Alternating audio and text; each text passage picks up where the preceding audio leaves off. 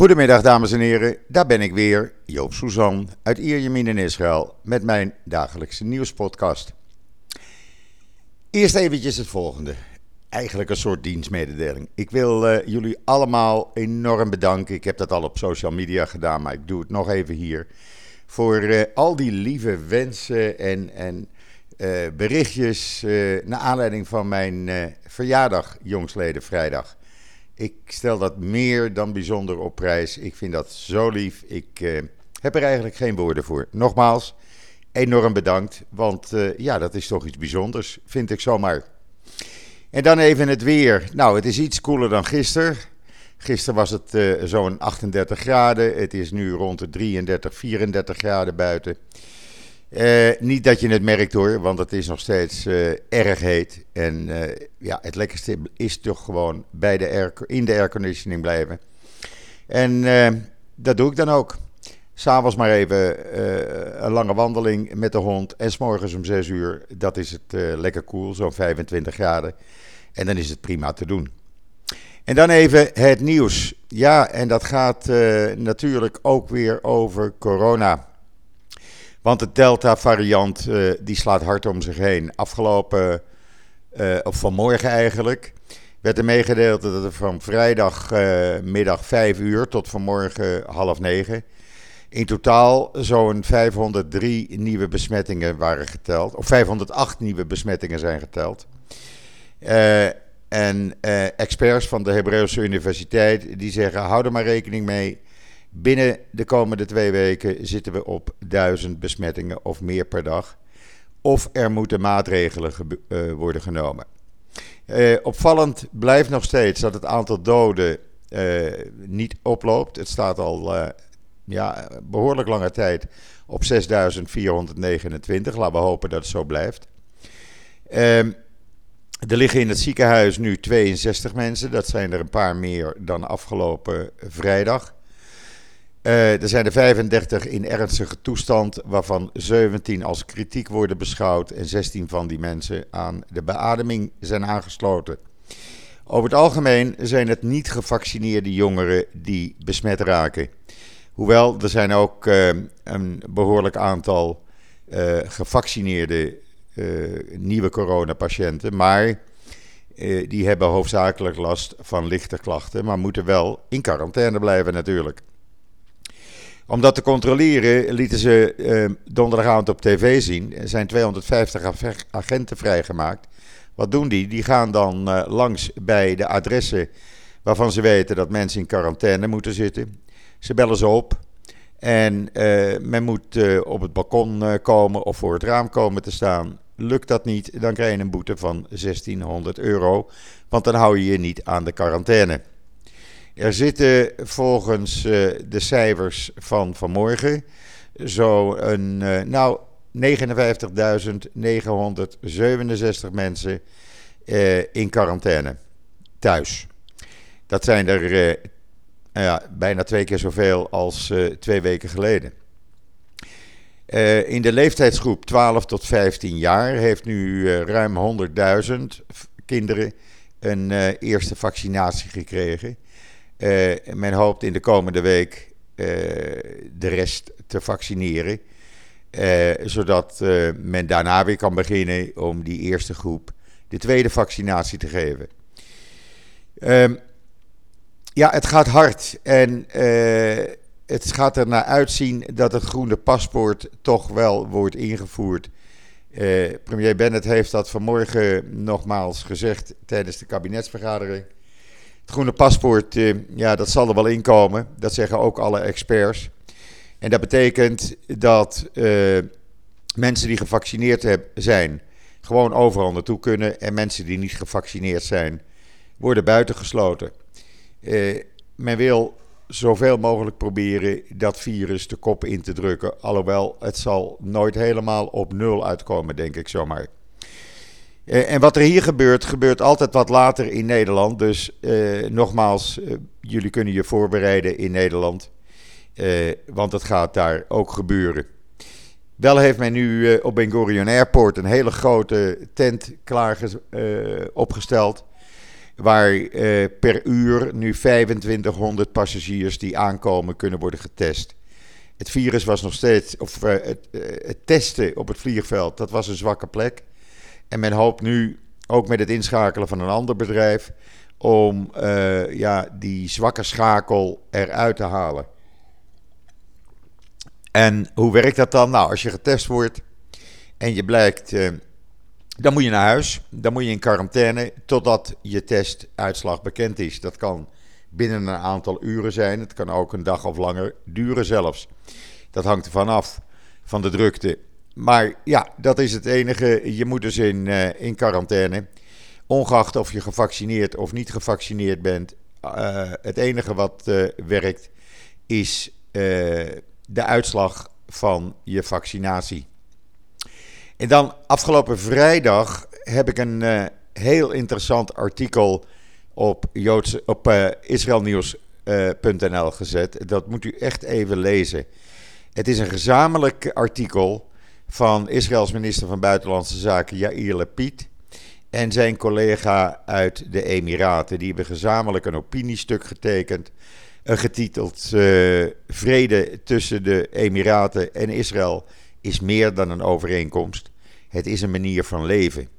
Het is echt een, fantastisch artikel wat Lapid en uh, Ben Bin Zayed hebben opgeschreven. Het stond in een krant in Dubai. En ja, ik zou zeggen, een aanrader.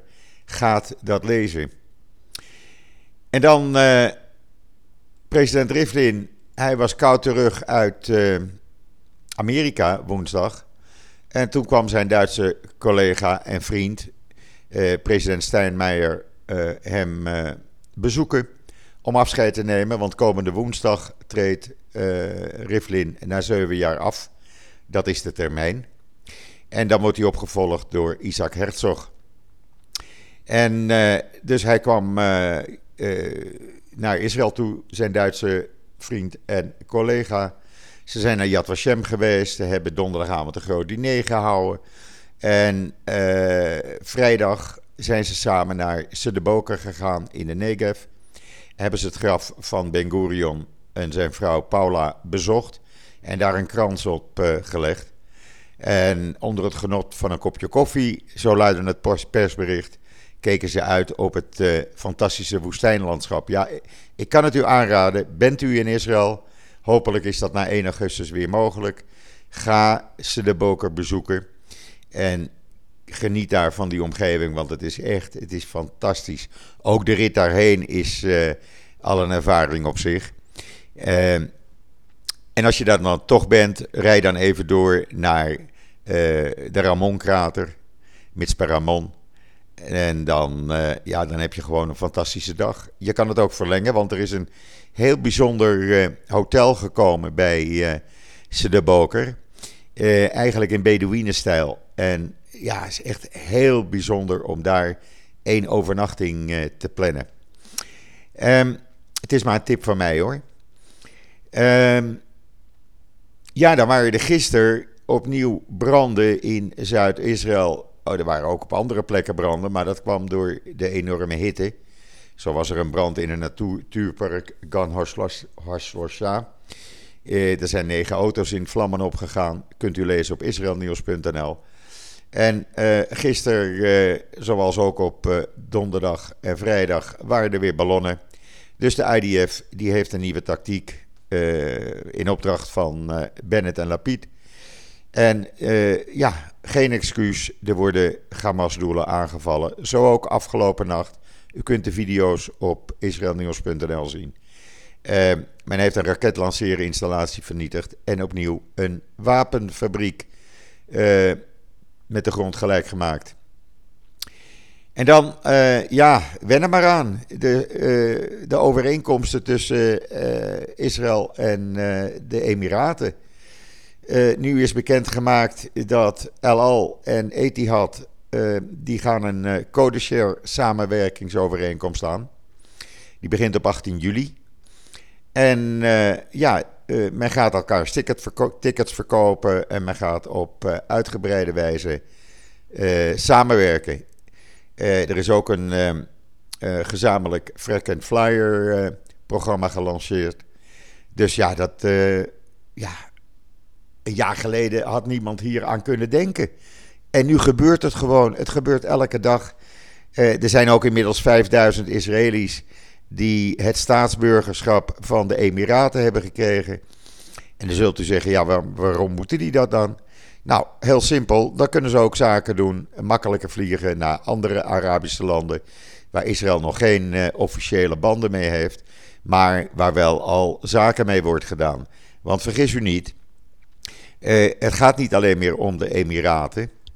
Uh, Israëlische bedrijven doen zaken met een heleboel landen, zoals Saoedi-Arabië, Qatar, ja, men doet gewoon zaken met Arabische landen en Arabische landen doen zaken met Israël. En die mensen uit die landen waar nog geen diplomatieke banden mee zijn, die komen ook in Israël op bezoek. Die zijn hier van harte welkom. En ja, dat groeit en dat bloeit.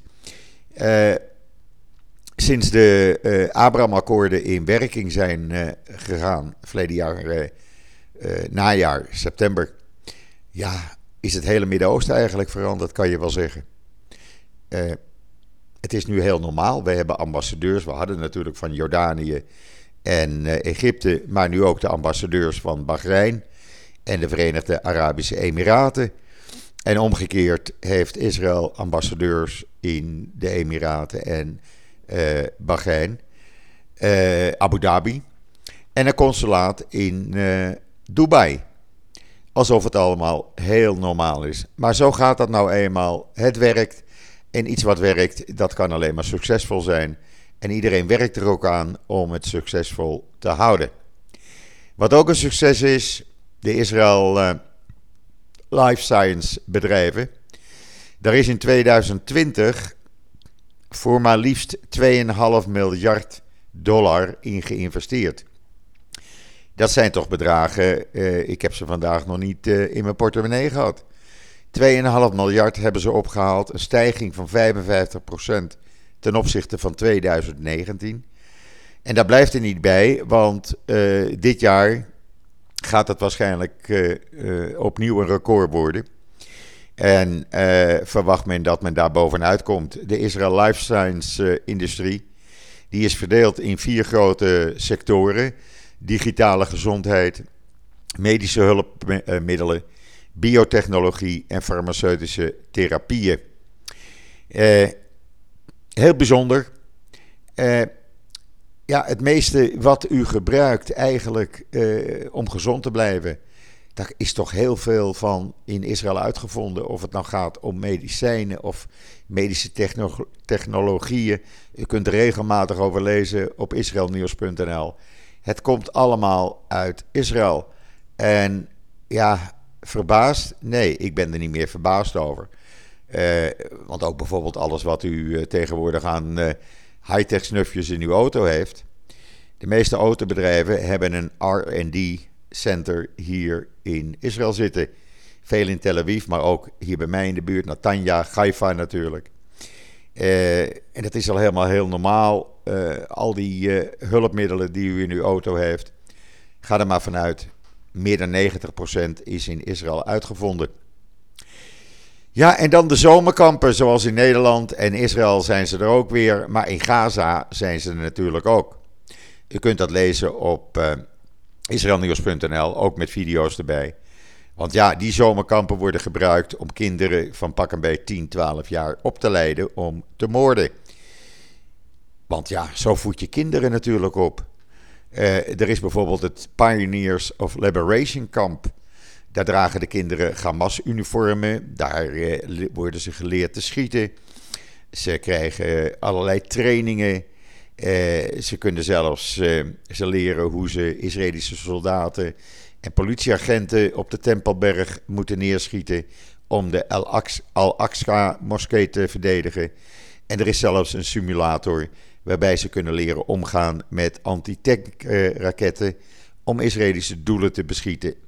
Ja, zo doe je dat. Ehm, maar goed, dat is voor GroenLinks en de SP onder andere helemaal geen probleem natuurlijk. Die vinden dat alleen maar fijn en prachtig dat uh, kinderen in Gaza op deze manier worden, uh, wordt geleerd om Israëli's, laat ik het maar bruut te zeggen, eigenlijk om Joden te vermoorden. Want dat is het enige doel van Hamas. Er is geen geld voor allerlei belangrijke sociale zaken, maar voor militaire training, voor uh, uh, wapens, voor munitie, genoeg geld in de pocket. Dat maakt allemaal niet uit. Uh, kijk het even op uh, Israël Nieuws na, dan kunt u er tenminste ook over praten met uw politieke achterban. Ja, dat brengt mij alweer bij het einde van uh, deze nieuwspodcast. het gaat toch hard, 16 minuten hebben we er alweer op zitten. Morgen ben ik er natuurlijk weer. Ik wens u allen nog een hele fijne voortzetting van deze zondag, uh, de 4e juli, in Amerika een feestdag natuurlijk, 4th of July. Vanmiddag kunnen we genieten van Max, Max Verstappen. Ik ga er met een half oog naar kijken. En woensdagavond hebben we natuurlijk uh, weer twee mooie voetbalwedstrijden op het programma staan, want dat is wel smullen, vind ik. Uh, dus nogmaals, maak er nog wat van deze komende uren op zondag. Ik ben er morgen weer en zeg zoals altijd: tot ziens, tot morgen.